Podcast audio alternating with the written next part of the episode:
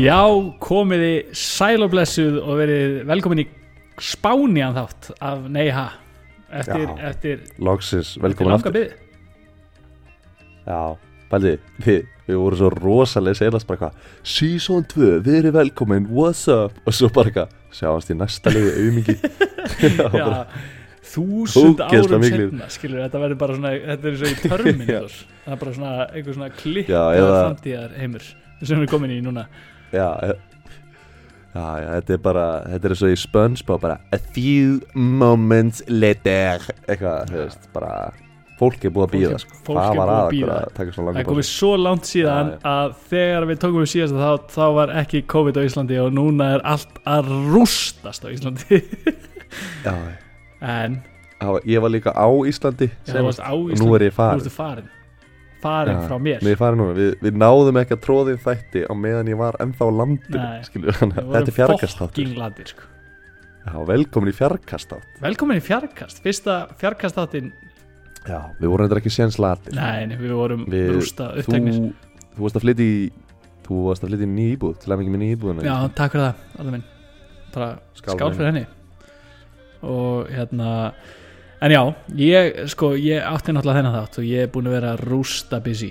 Og hérna, en var í sótkví í síðustu viku. Og þá var nú lítið annað að gera heldur en að smíða nýja nei haþátt, sko. Ú, við getum þakkað COVID fyrir þennan. Já, þú veist ekki hvernig ég er að fara á fjallum.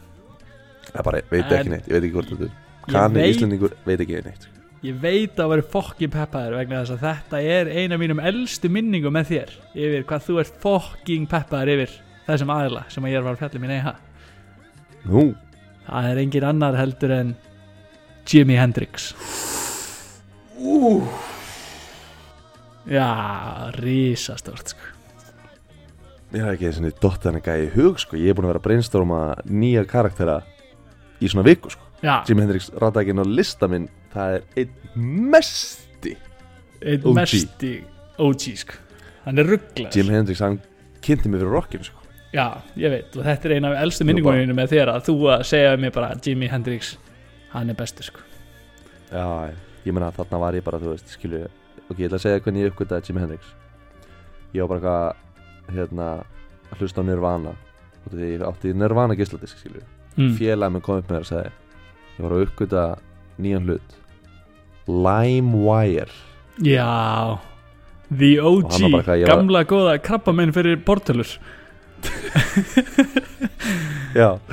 Og, hérna, hann var búin að downloada hérna All Along the Watchtower með Jimi Hendrix. Já, og við hlustuðum á þetta laga saman ég og félagin og ég var bara mind blown skilju, gæti ekki snú aftur ég fór bara beint nýr í skóla og tók síru og hlustuði á þetta með já, geðvegt ekki svo grótt en þú veist ég var alveg bara þetta var bara game changer fyrir mér í tónlistastefnu sko.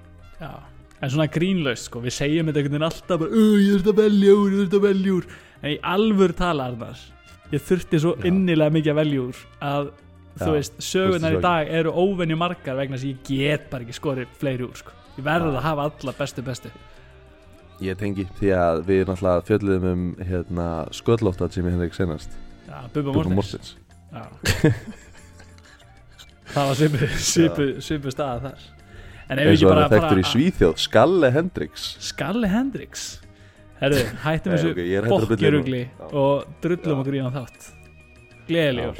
Ég, ég ætla bara hérna, það er eitt sem ég er búin að vera út í að ég er búin að vera að hlusta á ég hlusta stundum á introin bara sem svona pick me up skilur og ég er svona að reyna að rifja upp okkar gamlar fyndnapælingar og líka bara þess að heyri þér röddina gísli og ég sakna þeim já, takk. Og það, er eitt sem ég er búin að fatta að þegar við hérna látum átróði rúlla þá er eins og að hérna gæjarnir sem er að syngja neyha introlegið segja snill og svo dun dun dun dun dun dun dun dun dun já, er það geggjur pæling?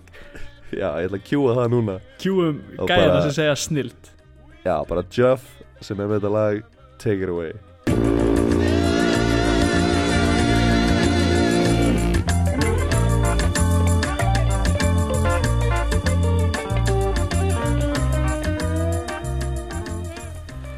hvað segir Unir? Já maður Ég er bara, bara helviti feskur Hvað, helst eitthvað upp á daginn að gera? daginn í gær Já, með hvað dagur er ekki 21. september já, er það eitthvað tryggs eða? Já, ég meina glimt, Glimtru því að 21. sept, hvað meina við? Do you remember The 21st of September, já skeit Já, ég trú ekki á glimtri maður fyrir þá sem ákveðandi. er að hlusta það að vera að taka upp 22. september Svo, kom inn í þetta grín Vá hvað er eitthvað spennandi að vita hvaða dag það var tekið upp fyrir umröðlega Já, hú Hú. Hver veit hvernig að þetta kemur út sko en þú veist, hann var tekin upp 22. september Sko, ég var í sótkví í síðustu viku af því að ég var náttúrulega út í Svíþjóð hjá systur minni að hjálpa henni að mála Já. og flytja á það Einmitt Þannig að ég og bróðum minn vorum bara saman Hvað segirðu? Þurftur að, taka double test? Double test, fá Já. pinnan hérna fokking yrnapinnan lengst upp í heila. Fyrir það sem að teki COVID-próf Hversu langt var pinnin að fara með þér Wow, wow, wow Já, bara wow, skilur ég fann fyrir honum bara í, sko, í fyrri lífinu mínu, skilur Já, sko, ég ætla bara að segja- í, Ég ætla bara að segja það hreint út Þetta er að mesta sem ég hef verið penetrated á æfinni COVID-prófið Heyrðu það fyrst þér? Já, heyrðu það hér Það er að Ég, ég hérna sko já, sko, fyrir að fyrsta að það fannst mér frekar óþægilegt að fara í þetta hana upp á flugvelli, sko. Prófið, Eh, já. ofan á það eða þú veist, þetta er ekki vond hvað það er, COVID-prófið. Þetta, er ekki- þetta, er- þetta er alls ekki vond Það er alveg djúft inn í nefið samt sko. En þetta er samt bara alveg gríðarlega óþægilegt sko. Bara, þannig við tölum íslensku sko. Alveg gríðarlega. Alveg gríðarlega. Og svo er, er ég með eitthvað svona hægri nösin á mér, ég er eitthvað smá fokku upp eftir að við fórum að surfa eitthvað tíman og ég bombaði nefinu í brettið. Já, it's never been the same einhvern veginn, eða þú veist, það er einhvern veginn svona hálf svona laskað, hægri nösin á mér. Já. og hún tók bara skilur, eyrnapinna sem var bara eins og sko, svona stangastökk stöng, hann var svo langur já, já, já, já. Og svo bara inn í heilan og svo bara inn í öll einhvern veginn bara fyrir lífið mín skilur, þú veist, Já. bara allir gíslar fyrir og síðar fundu fyrir pinnanum bara fara inn í amegdöluna í heilanum á mér, sko. COVID er fokkin langt hann inni sko Já, Ef það er að fela sig sko það er alveg hann að COVID er lengst ekkert að inni sko. chilla hann eitthvað Þú veist, mér finnst líka svo fyndið Þú veist, það er eitthvað svona e, Nú er hljómar þetta svo hræsnalega út í því Ég er náttúrulega í læknistami sko En þú veist, bara svo ógeðslega fyndið að þurfa að fara svona djúft skilur Út af því að Þú veist, allegedly það er bara hvað það er nóg fyrir einhvern smita Hann er bara svona rétt aðeins að klóra sér í nebbanum Og svo er þetta bara búin að, þú veist, dreifa COVID út um allt, skilur, bara, Já, varst aðeins að bora í nebbann. þúsund miljónir já, þú veist, bara bóra pínu í smitaðir. Svo ertu bara að nutta COVID bara alla snertifleti bara í bónusvídeó skilur og, Ah. og síðan bara snerta allar spólunar og síðan hérna en svo til þess að bara testa fyrir COVID þá þarftu að fá bara það insta bara back Ah, verður bara, þú ert að fara inn í COVID sálina hérna með fokkin eyrnapinna þú þarft að fokkin leita djúft af þessu COVID til að geta testa þetta sko. það er bara eitthvað top shelf COVID-19 sem þarf að draga út til þess að testa sko. það er ekki nóg það er náttúrulega fokkin klikka hvað þið þurfa að fara ógeðslega djúft sko. Veist þetta er bara ég bara og, síðan líka bara þú veist á er Ég degi að hugsa um þetta sko, sé hvað það er ríka Já. og ég svona þú veist sko bróður mínu fannst miklu verra að fá þetta á, á tunguna vegna þess að hann kúaðist skilur þú veist eins og að fá svona eitthvað læknapinna upp í munni ég veist það bara ekkert mál skilur bara ekkert mál bara trottu ykkur stóri upp í kjáttina mér og ég kúast no ekki sko. Bara no gag reflex en bara svo kemur bara með bara vala flósadóttir skilur bara stangastökk skilur lengt á eyrnapinna og bara tróðið bara þú veist þú veist, í gegnum nefið og niður í raskat að þér, þetta er svo langur pinni sko. já, já, þú veist, ég greinilega betri að að taka hann upp í mig heldur en að bóra í nefið sko. já, þetta var bara galið sko. Ah. en hérna, galið það er líka að fyndi núna út af því að nú er maður svona þú veist, ég man svona tímabili COVID þú veist, maður einangraðist svo mikið og þegar maður einangraðist þá upplifa maður svo lítið og þá dettur ekkert nýtt inn. Þannig að við vorum á tímabili tómir fyrir randopælingar. Já, það var enga randopælingar það var bara hornar það var bú, já, og vorum bara eitthvað, já, hvað hvað, varst- hvað er þetta að gera? Já, bara, bara heima Ertu búin að sjá Tiger King? Já, ég er löngu búin að sjá þetta allt. Þannig að þetta var ekkert að freyta En svo sem finnir þegar maður er svona komin tilbaka skilur, nú er maður svona komin í lífið. Hvað það dettur mikið að random drasli í kjöldin á manni? Eins og ég var, að, þú veist, ég var eitthvað að sjá og fatt um daginn. Ok, það þekki allir Mario skilur, Super Mario. Já, It's a me, a Mario, Mario. skilur, og Luigi skilur, Já. veit allir hvað Luigi er? Bróðir Mario, skilur, já, og þeir heita náttúrulega The Mario Brothers. Já, er það ekki út af því að Mario er þá eftirnafnið þeirra skilur, eins og Olsen tvíburunir eða eitthvað, skilur þannig að heitir Mario bara Mario Mario. Já, og Luigi heitir það bara Luigi Mario? Þeir eru Mario bræður, skilur já, það er góð pæling. Þannig að hann er bara Super Mario Mario. It's a me, a Super Mario Nei, Mario. hann heitir Super. Fyrrannafni Super Mario. Super og eftirnafnið er Mario. Þannig að, Þetta er Super Luigi Mario bræður já þú veist, hann heitir sko það er Super Mario og svo er þetta með Luigi Mario Já, það lítur að vera. Þannig að karakter sem allir þekki og elska sem Mario hann heitir ekkert Mario, hann heitir bara Super.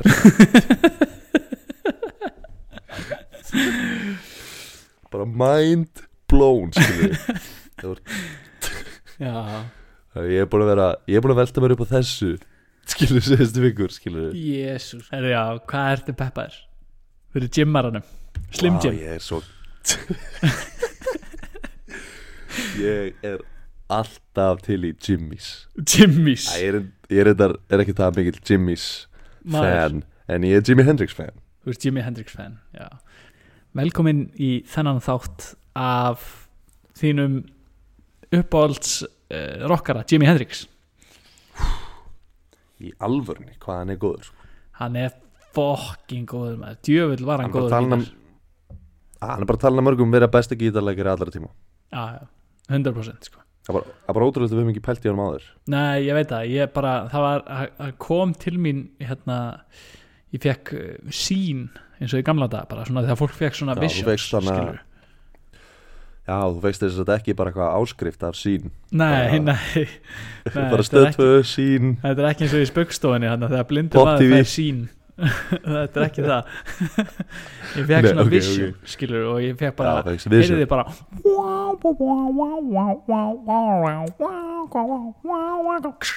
og ég bara, Jimi Hendrix, var þetta þegar þú veist að huglega koma bara hey Joe. What are you doing with that podcast in your hand. Bang, og ég er bara, ég er að fucking skít í mig maður, ég verða að gera þátt sko. Já, verður að gera það. Já, ég ok. hérna, ég er svona alveg grínlust sko. Þá hérna já, við grínumst ekki hér. hér er, hér, þetta er ekki staði til að vera með grín sko.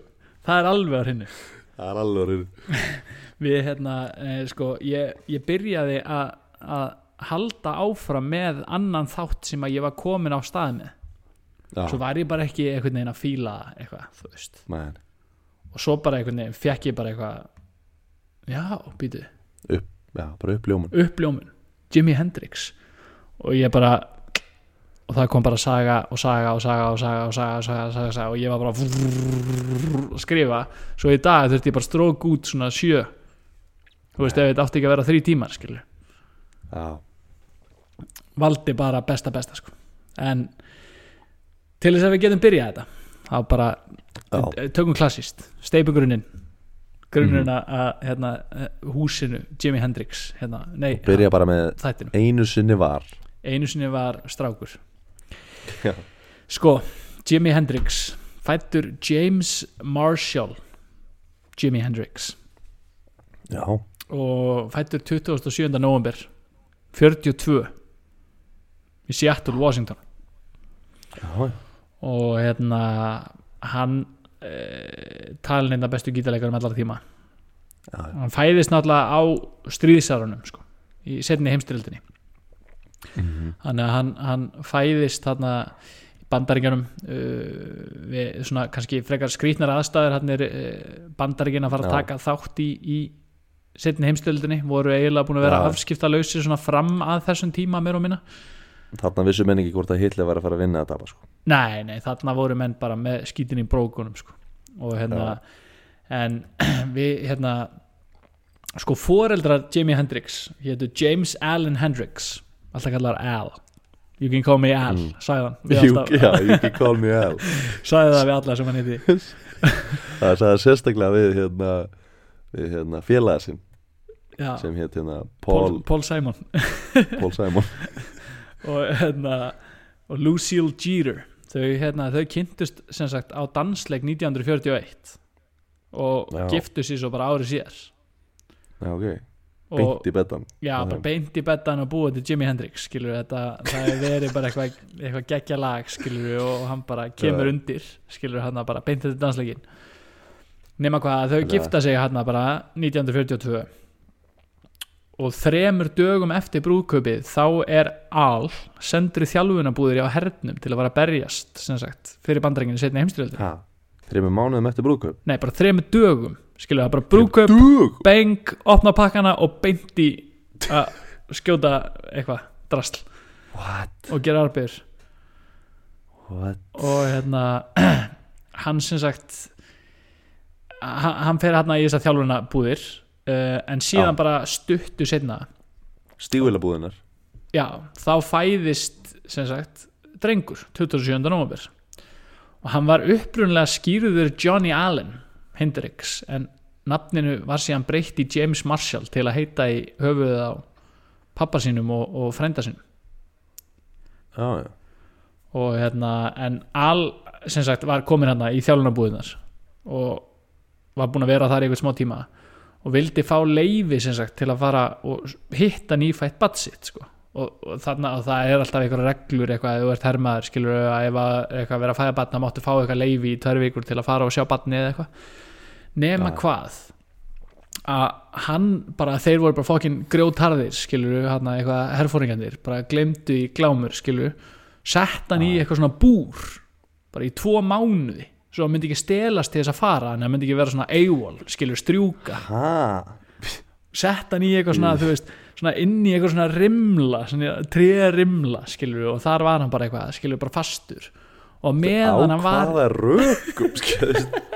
Það bara, já, glimtu, er þetta ekki að fara að sjá krakkan, skilur, það er engin tími til Nei. þess við erum að berast þig hitt Pældi bara í Svíþjóð þá er þetta bara hérna, herru, þetta fari í Olof bara já, já, bara, herru bara það er lungt, bara sex mánuði minnst.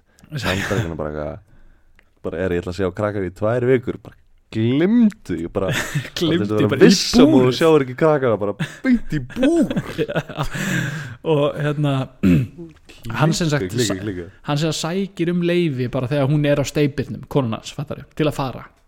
Og þeir bara eitthvað, nei setja hann bara strax í búrið, skilur til þess að hann strjúki ég er sjokki með þetta búr sko. ég klikkaði sjokki. Og svo meðan Al var í búrinu þá fær hann fréttinnar að því að hann að eigna son. En síðan hérna að hann vissi bara hann átti bad nei, þú veist, konan hans var að hérna, þú veist hún var ekki búin að eignast batni þegar hann sækir um leifi til að fara skilur, hún var komin eitthvað 8 ég halva skil, mánuð ég þegar hann segir, heyrðu, kona mín er alveg að fara að eignast batni, má ég fara heim í tvær hugur skilur, já, þeir bara glemdu því beint í búrið og verið í tómanni og hérna nema hvað, að hérna hann fæðist hann 1942 27. november Al er síðan bara sendur bara beint í stríði, skilur, bara beint í Þískalands, skilur og er svo bara ekkert leistur úr hernum fyrir en 1. september 1945 þá er hann bara ekkert búinn að sjá fjölskylduna sína í þrjú ár og aldrei hitt frumburðin, skilur, Jimi Hendrix. What, og hann, hann bara kemur heim skilur, veit ekkert hvar þau eru fattar þau, þetta er 1945 skilur, þetta er ekkert eitthvað bara messenger, skilur, bara, hvar ertu? Maður þetta er bara, hann bara vissi ekkert hvar þau voru, skilur, fyrir bara að leita að þeim. Og er að leita að þeim í tvo mánuði þar til að hann fer loksins til eitthvað svona gamals fjölskylduvinnar og sem að hérna, þau eitthvað höfðu oft verið í mata og í jólunum. Og þar er konan hans eitthvað og Jimi Hendrix og það var í fyrsta skipti sem hann sá son sinn. Og hins vegar þá þú veist eftir stríðið þá var hann alltaf bara alveg rústar með eitthvað PTSD og eitthvað og fekk ekki vinnu og var að glíma við áfengisvandamál og eitthvað brjála heimilisofbeldi. Ég er og bara sjaldan verið bara svona taken aback af hittni sög já, já, þetta er klikkað sko. Og Wow, Uncle Sam tók okkar menn L í bakari já, bara í bakari sko. síndi hann hvað Davíð kefti öli sko. það var í Þýskalandi. Wow Já, shit, hvað þetta er klikka þungt. Já, Og mjög þú Sjúlla og hann, þú veist, bara sonur og svona þryggjára þegar hann sér hann í fyrsta skipti. Og svo bara var hann að glíma við eitthvað brjála PTSD og eitthvað. Strax byrjaði að spila ukulele já, já, og svo hérna skildu þau sem sagt 1951 hann Já. bara eitthvað sex árum eftir stríðið. Og Al fær sem sagt forraði yfir Jimmy og, og yngri bróðar hans Leon. Það er ótrúlegt en já, já, það er, En já. bara, það er náttúrulega bara gali sko. Vegna þess að hann var alveg keksruglað sko, pappa hans var bara fucking keksruglað sko. Rústaði með eitthvað PTSD eftir stríðið og, og sá krakkar eiginlega eitthvað fyrstu þrjú árin skilur nei, nei, þú veist hann, ekki, hann, var, hann hann var ekki búin að þekkja hann skilur, helmingina æfina sann, skilur ok, annarkvort að dómar rugglaðir eða mamman hefur verið bara hún hefur verið verðið skilur fokkin rugg já, já, það er alla líkur á því sko. En Já. hann, hann var sem sagt uh, sko ég skrifaði nú ekki niður mér minnir að ég hafa lesið að hann hafi verið hafi átt sko sex sískinni, Jimi Hendrix sko. já, hann að mamma fekk Ok. fjögur. hann fekk tvö elstu sko. eitthvað, þetta var eitthvað ok. crazy shit sko. ákveðin rússibanni byrja á svona grjótarðri hérna, alvöru, bara- alvöru stríðsu ég er ekki að grínast. Þetta er, þetta er svo saga þar sem ég hef verið mest orðlaus. Já, bara beint í búri mátti ekki bara sjá krakkana í búri með því í tvo mánuði. Í búrið og svo bara eitthvað svona svo fæðist krakkin, hann veit hann á son beint að þú veist, í stríð. Þannig hann er bara með það á, bara ég hef bara ekki séð son minn skilur ég hef ekki séð son, ég verð að lifa af ekki bara til þess að lifa af heldur ég verð að lifa af til þess að sjá barni mitt. Já, í fyrsta skipti. Ekki skrítið af hann með PTSD mig, skilur klikka sko. Kallmenn á þessum tíma, hvað, pældi hvað er gengur gegnum Já, rugglaðan pakka með því að vera sendir út í stríð. Alveg Já, þetta er bila Ég er bara, ég er bara, vá. Þetta er bara, vá, vá, vá, vá, vá, Ég er hérna- fakt á þessu, sko. Ef þú var að ljúga þessu, þá myndi ég drepa þig, sko. En hérna, ég Já. að taka þetta aðeins Það er sérst, já. að Jimmy var 12 ára gamall. Þá gekk hann í grunnskóla í Seattle sem hétt Horace Mann School for Elementary School for Children í Seattle. School for, school for elementary school for children. Horace man og hann sem sagt hann var hann 12 ára gamall og greip aðtigli félagsráðgjafa við skólan eða svona námsráðgjafa við skólan Já. af því að- Jimi Hendrix hann gekk um allt með kúst sem hann let sem væri gítar skilur, hann var svona með kúst skilur að þykja að hann væri gítar sko. Já, og bara eitthvað, já, sér hann eitthvað já, ok, þú veist. Hann var náttúrulega, þú veist, koma erfið heimili átti ekki mikið peningum, fattar við, fátæk fátækur svartur strákur, skilur er hann í Já. skólanum. Og hann var líka hérna bara það góður að gítar en að kústurinn hljómaði ekki það illa. Hljóma, bara, hljómaði ágætlega. Ágætlega. Og hérna, og síðan bara, já, grípur aðtekla bara, já, ok, með kúst, eitthvað þykist þér að gítar. Herði, bara í heilt ár er hann bara hverjum degi með kústin að þykjast að hann sé gítar skilur og hún bara eitthvað bara, herði, þetta er hún mikið skilur og námsvækjaðan skrifaði semst bref til eitthvað svona styrkveitingastjórnar hjá skólanum um eitthvað svona sjóð sem er ætlaður fátækum börnum. Fattar við, eitthvað að jafna tækifæri fátækra barna. Uh, um að skólinn myndi kaupa handunum gítar. Vegna þess að ef, að ef hann myndi ekki fá gítar að þá hjælt hún að hann gæti orðið fyrir miklum bara sálrænum skada skilju, þetta var greinlega bara svo mikið eitthvað, þú veist rótgrói í hausnum á að hann vildi vera með gítar skilju, ef hann fengi ekki gítar á endanum þá er það bara eitthvað skrítin geðveikur. ég er bara geðugur Já, og hérna, sem, sem svona, ég get alveg trú að þekkjandi típuna að Jimi Hendrix skilur Já, hann er svona, hvað myndi hann gera annars? og skólinn hann neitaði beininni um að kaupa gítar.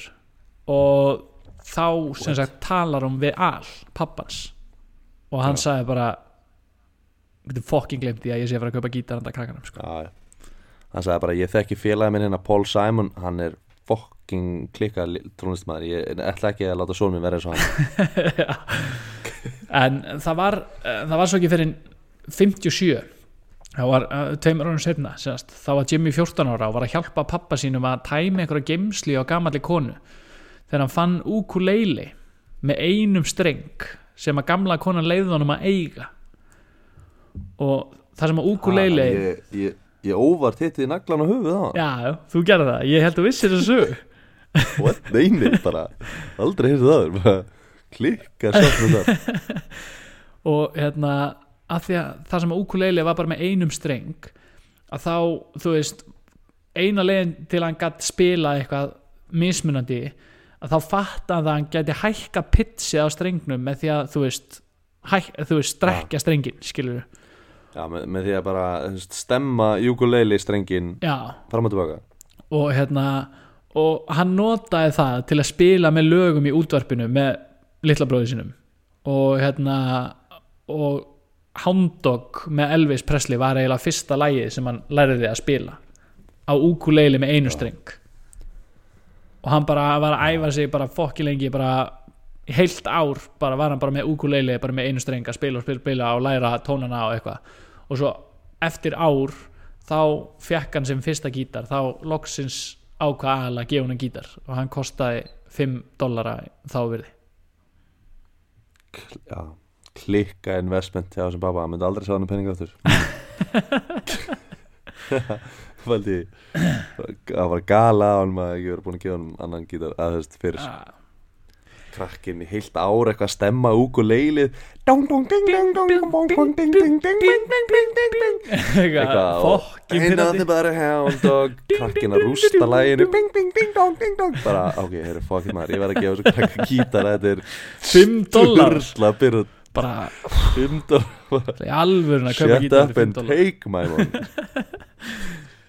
Heri, sko, nú bara þetta er bara önnur bara mjög engaging saga skilju, ég er bara sokkin í þe- þessa stemningu sko. hérna, sko, málið er að ég fann fullt af sögum og ég hefði nánast geta haft þátt í svona chronological eins og ég væri að lesa æfisögu en auðvitað nefndi ég því ekki svona- þannig að ég ætla að stokku skilur, Já, nú hoppa ok, hans í það. sko. annars verður þetta bara svona Jimi Hendrix, The Chronicles já, já, það er ekki nei-ha, nei-ha er meira rugl sko. meira rögl sko. Það er svona að ætla að fara Já. í e- eina rögla núna sko, já, ok, ok, ok, sko okay. Jimi Hendrix hann alltaf elskaði eiturlifin eftir að var orðin fullorinn náttúrulega sko. já, já, það fekk ekki bara gítarinn og var bara eitthvað epilur hann bara þetta kom setna með rockin já, komur okkinu sko. og sko fáir trúlega jafn þekktir fyrir að rústa sig jafn mikið með eiturlifum og Jimi Hendrix sko. Sérstaklega eftir að, að fræðasólun hans var svona reis sko, þá, þá versnaði þýknin hans náttúrulega bara til muna já, með hverjum slagaranum kom nýtt skilur, sem hann varða að taka sko. já, og einhvern tímann þá hérna á setni hluta 60s þegar allir hipparnir voru í feeling og eitthvað, var hann á rulltinu bara einhvers þar í Já. New York og menn mistu sig árið 69 bara no pun intended já, já, voru bara, bara, klikkaðir sko. Allir í 69 árið 69 sko. Það bara, þeir, þeir, sko, Þess vegna heitir var 69, þekktur sem, já, er það ekki Year of Love eða? já, já. Þa, Já, það er Year of Love. og sko, bara, hann er að rölda nýri bæ að leita sér að dópi í einhverju skúmaskotum, skilur nýri bæ. Mhm, og þar hittir hann einhvern hópa strákum. Og hann fer að spyrja hvort þeir eigi eitthvað gott dóp handa sér og þeir halda nú það að þeir eigi gott dóp handa Jimi Hendrix. Og en þeir, hann þurfa að koma með þeim sem sagt heim til þeirra sko. og hann bara, já, bara ekki málið skilur. Og þeir fara heim og strákandi segja við Hendrix að þeir þurfa að gefa sér númeri hjá managerinu sínum og svo þurfa hann að fara inn í herbergi býða þar. Og Jimmy bara bólufriðin skilur, bara já, já, já. Lætu að hafa númeri skilur og fer inn í herbergi. Þeir læsa hann inn í herbergi.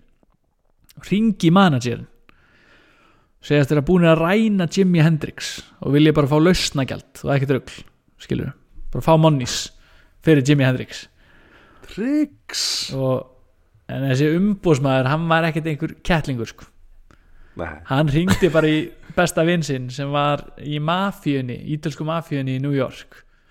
Senda hann bara heim til strákana til þess að- sleppa Hendrix og berja á svo í klassu og hann fer bara heim til strákana samfærað um að sleppa Jimmy úr haldi og svo bara kvóta, gaf þeim barningu sem þeim myndu aldrei gleyma.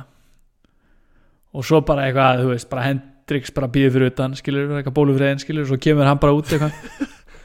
Og hann bara er að labba frá húsinu og hann bara eitthvað, Jimmy er alltaf lægi með þig eftir að þeir rændur og hann bara eitthvað, ha? Það er að ræna mér? Það er ekki hugmyndu What the fuck hvernig var að vera að ræna mér? Þeir voru þetta algjörðu triksa bara, herðu, bara dóp. Já, kallir minn. Svo voru þeir pottið að gefa honum bara svona Gá hann meina Jay, já, bara hann bara herbergi. sáttur. Fá ekki sáttur, fekk Jay fekk Jay, já, já. Pældi þetta var bara svona bara, Það var aldrei neitt niður í jafn góðum málum og Jimmy þegar hann var rændur. Það er enginn verið rændur í jafn góðum málum það er ábygglega bara í freka fínum einhvern svona sófa einhvern staðar. Hann var ekkert að stressa sig, sko, bara null stressa Þetta reyndar, hljómar eins og Dino á gólfinu Svona place, kind of place. Já, En ég meina, ég En að ég meina- Jimmarinn hafi ekkert verið ósáttur sko. Nei, nei, fín dýna bara, chill á já. já, já. Bara, veist, Þetta var svona memory foam Hann bara settist bara, ú. Ú, Hann mann eftir kvöldinu, Dínan mann eftir honum Það er allir sáttir En hérna, sko, þegar að Jimmy var úlingur hann var svona áður en að hann na- svona byrjar almennlega í tónlistinni sko. Já, já, þá, hérna, þá var hann var hann svolítið mikið svona prakkarast hann náttúrulega kemur að erfiðu heimili og hérna og er, er svolítið mikið að prakkarast sko. og, og hérna og hann var að leik sér að sagt, stela bílum og fara í svona svo kvöldu joyrides. Eh, en það er svona þegar að menn stela bílum skilur og fara að leika sér að, að hérna að að taka sko keira bara einhverju bíla skilur, stela þeim og keira þeim eitthvað fara rúndin já, og hérna, já.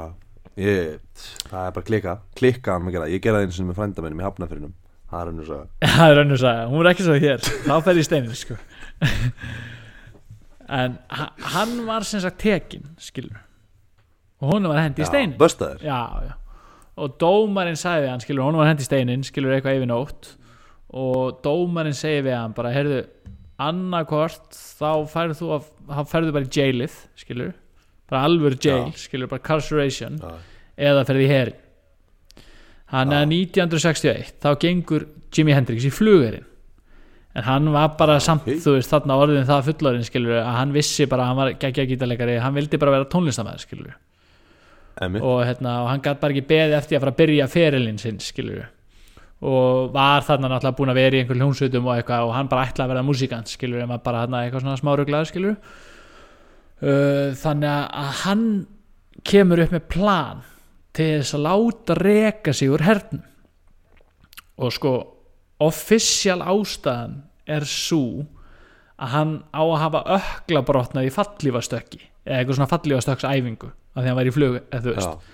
En hins vegar er sanna sagan svo að hann var ítrekað að fara að hitta hersalfræðingin til þess að tjá honum að hann var í ástfangin af einum liðsfélagi hernum hann bara langaði svo að sofa hjá honum og eitthvað og hann væri líka háður sjálfsfrón og síðan einn daginn og voru svona yfirmenn Þannig að hann tók gamla rungtryggsið þannig að einn daginn voru svona yfirmenninni skilur svona doing svona calls skilur svona checka öllum. Já, og koma bara inn í tjald þar sem hann er bara að runga sér bara fokki mikið og sem að hann að öllu líkindum bara þú veist, bara deviceaði, skilur bara vissu að þeir væri að fara að koma og byrja bara að runga sér. Já, og strax eftir það þá sagði hersalfræðingurinn bara herðu við verðum bara að senda hann heim strax vegna þess að hann er bara með gay tendencies.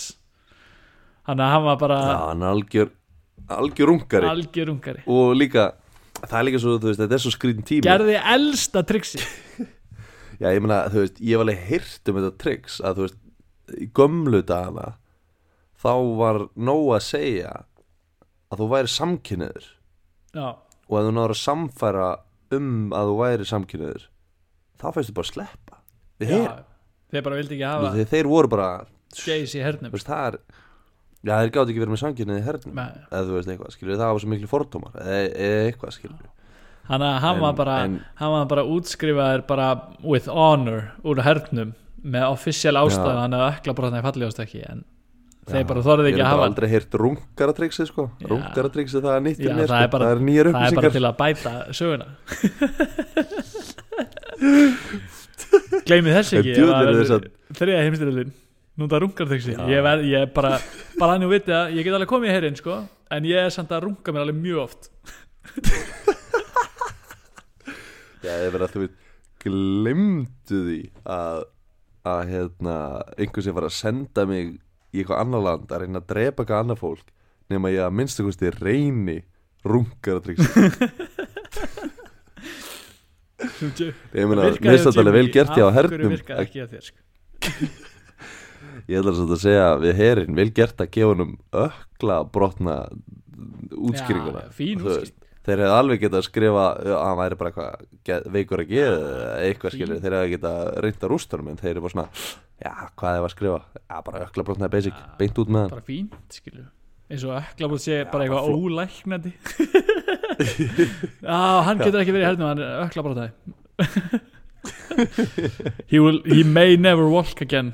Það geggjaði ef þeir hefði notað ökla brotið bara sem cover up fyrir hérna hann, hann sagðist vera hommi að vera svona, hann er uh, ökla brotin og er alltaf að runga sér það er eitthvað skrítið en hérna, ég verða að halda áfram sko. það er svo mikið að góðan sög sorry, ég bara, ég bara misti mér sér já, allt og, skemmtilega sko. ruggla skemmtilega sko. sko hann setti saman hljómsveit í tíundavekk með vinnu sínum og fyrsta Já. hljómsveitin sem hann setti saman þetta var einmitt. fyrir svona skólatónleika og, hérna, og þetta var í fyrsta skipti sem að Jimmy spilaði fyrir framann fólk á gítar skilur svona performeraði fattaru og, Mm, og tónleikarnir voru sem sagt haldnir í kjallarnum og svona synagog, svona gýðinga kirkju eða svo lis mitt, og, og hérna svo bara komið að þeim og, og hérna hljómsveitinu upp á svið og allir klárir og trommarinn bara telurinn í fyrsta lagið og svo bara byrjar og Jimmy verður bara gjörsamlega rugglaður skilur bara, krakkan tíundabæk skilur bara og það er bara verið að spila eitthvað basic lag. Jimmy Hendrix bara vippa bara byrjar að spila gítarinn skilur bara með tönnunum já. og bara honum já. upp á bakvi haus og eitthvað að spila hann og bara stelur bara allir aðtykri bara skilur og er bara rugglar á sviðinu skilur. Er fokkin góður að menn spila. bara komnir úr og ofan kennarinn er komnir úr brjóstaaldran það var allir, þetta er bara já, rock þetta er bara alveg rock tónleikar og hljómsveitin alltaf bara í fokki miklu sjokki skilur bara aldrei séð þetta aður skilur bara mæta fullt af æfingum og hann bara basic skilur svo bara upp á svið og hann verður bara fokki rugglaður og svo kom sér að hlje á settinu í það þeir spiluðu eitthvað þrjú lög og svo var hlje og svo hætti að spila önnum þrjú lög eitthvað. Allir að sviðinu í smá stund og svo bara kemur hljómsveitin áttur hann bara vantar Jimi Hendrix. Og já, hann bara kemur ekki upp á svið. Herðu þá bara rákur hann í hálfleik á fyrstu tónleikur hljómsveit hljómsveitin þið segja bara herðu, þetta er allt of mikið sko. þú, það er ekki sens þú farið aftur á svið sko. og kærastan hans Ha, byrju. bara hann, tíundavekja kærastan hans hún var á tónleikunum og var bara eitthvað hvar er hann, skilur, fór að leita hann fer út á bakvið og hann bara þar bara með tárin í augunum skilur og hún bara, hvað, þú veist hvað gerist og hann bara, þeir voru bara svo pyrraðir hvað hann var aðteklisjúkur að þeir bara ráka hann í hliðinu og þá segir kærastnarnas bara spyr hann hvort það væri nú kannski ekki vissar að tóna aðeins niður þessa stæla, skilur, þessa performance stæla spila kannski bara svona herramannslega á gítarinn og eins og aðri gítarleikarar og Jimmy horfði á hana þurrkaði augu, svona tárinu augunum. Já, bara, já, og sagði bara glemdu því. Glemdu því glámur glemdi því já, bara kvót glemdi því glámur. Já, hann var fre byrjaði frekar snemma sko, vissi hvað hann vildi gera. Það var ekki sjens að fá hann til að skipta um skoðan sko. þú veist því að ég er svona típan sem sé hlutina fyrir mér bara eins og bíómynd skilur ég sé bara senunar fyrir mér skilur þannig að þú veist þú náður alveg að náða mér skilur senuna skilur bara Hendrix snýri sig við skilur og þurrkaði tárun og snýri sig við og fyrir mér þú veist sé ég bara unga Jimi Hendrix segja bara glemdi glámur bara á íslensku já, ég get það líka ég, og glemdi ég glámur. Landist kasti og sko þetta sko. Shit sko. Hú, Ég alveg, ég vona að við græðum að einhverjum ástæðum bara miljónur á þessu podcasti og bara skulum við bara endur gera æfisögu Jimi Hendrix á íslensku. Já, það var ekki aðeins sko klipti í kláður og fokka En eins og ég var mun að koma inn á að þá var sko ég er Al rústast þetta sem pappans pappans Jimi Hendrix, Já. you can call me Al. Já, you can kill me já, hann var hann var að Já, rústa. hann var grjótarðin stóri skrítin sko, til, til, til að svona setja aðeins upp hérna, myndina þá þegar að mamma Jimi Hendrix dó þá neitaði pappa hún dó? já, þegar, þegar hún dó þú, þú varst ekki búin að nefna það fyrirskilu bara þegar já, hún já, dó. bara, já, hún bara dó sem sagt, fyrir ekki þegar þið voru eitthvað, þú veist, úlingar sko. Já, já, ok. Já. og hérna þá sem sagt hann neitaði pappi þeirra að fara með bræðunar í jarðaförina heldur fór bara með það á bar gaf þeim viski og sagði að þetta væri hvernig kallmenn dílu við að missa ástunni já, já, ég meina bara eitthvað 14, Þú veist. 14-15 ára skilur bara fáið viski og hætta fokkin væla sko. það er auðvelt fyrir mér að að segja að það sé fucked up sko en, en þetta er gæði sem hefur þurft að díla við dauðan á einhverju öðru level sko. já, Þess, það er bara já, já maður verður að horfa á þetta frá hans já, 100% sko. en svona ekki nóg með það að var hann náttúrulega ansi tregur að kaupa gítarinn á 5 dólar að henda peganum sko. já, ég, ég verð að segja ég er meiri sjokki með gítar ukulele dæmið heldur en að hann hafi hend, Hendrix inn á bar og sagt þeir díla bara við þetta og gefa hann já, já. En, en sko, en svo er ekki nóg með það sko, þú veist. Hendrix eru örfendur Jimi Hendrix. Fæ, en bara Já. fættur, hann er bara náttúrulega örfendur Já. og hann vildi náttúrulega bara fá örfenda gítar. Og Al bara, það er ekki fokkin sem að fá örfenda gítar. Vegna þess að Al held sko að það væri sko tákn frá djöflinum að spila gítar örfend já, það sem hann segir örfendi gítar einhvers það sjö en, dólar já, já, 100% en Hendrix hann sagði bara, þú verður bara að læra rétthend skilur og, og Hendrix fekk bara gítarinn og hugsaði bara, þú veist, getur glemt því skilur hann, uh, hann snýri bara rétthendu gítar við og skipti strengjónum þannig að þeir væru skilur já, hann spilaði sagt á rétthendan gítar örfend og, en skipti bara strengjónum þannig að strengjarnir væru réttir sko. En hins vegar þá var hann svo giftir gítarleikari að til þess að hann myndi ekki pyrra pappa sinn að þá lærði hann líka að spila rétthend á gítarinn með strengin á kvolfi skilur.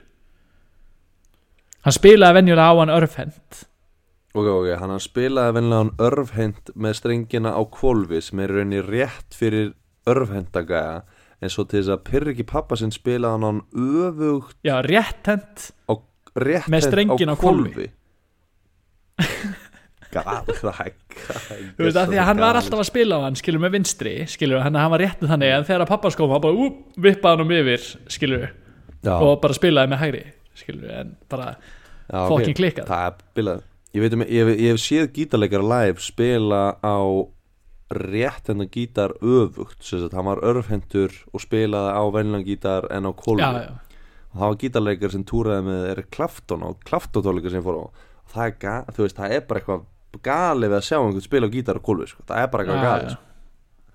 maður bara svona skila er að sjá einhvern nei, nei, þú veist, það er bara svona það er svo ég, þú veist, það er, það er skrítið að útskýra á hversu skrítið það lítur út skilur því þú veist, maður er bara vanur einhverjum ákveðnum Einhverju gripum formati, og maður er já. vanur að reyna að finna eitthvað og svo munstur sé maður einhvern gæði að spila þetta á öðru sér það er bara, bara skrítið sko. hann sagt gert bæði sko.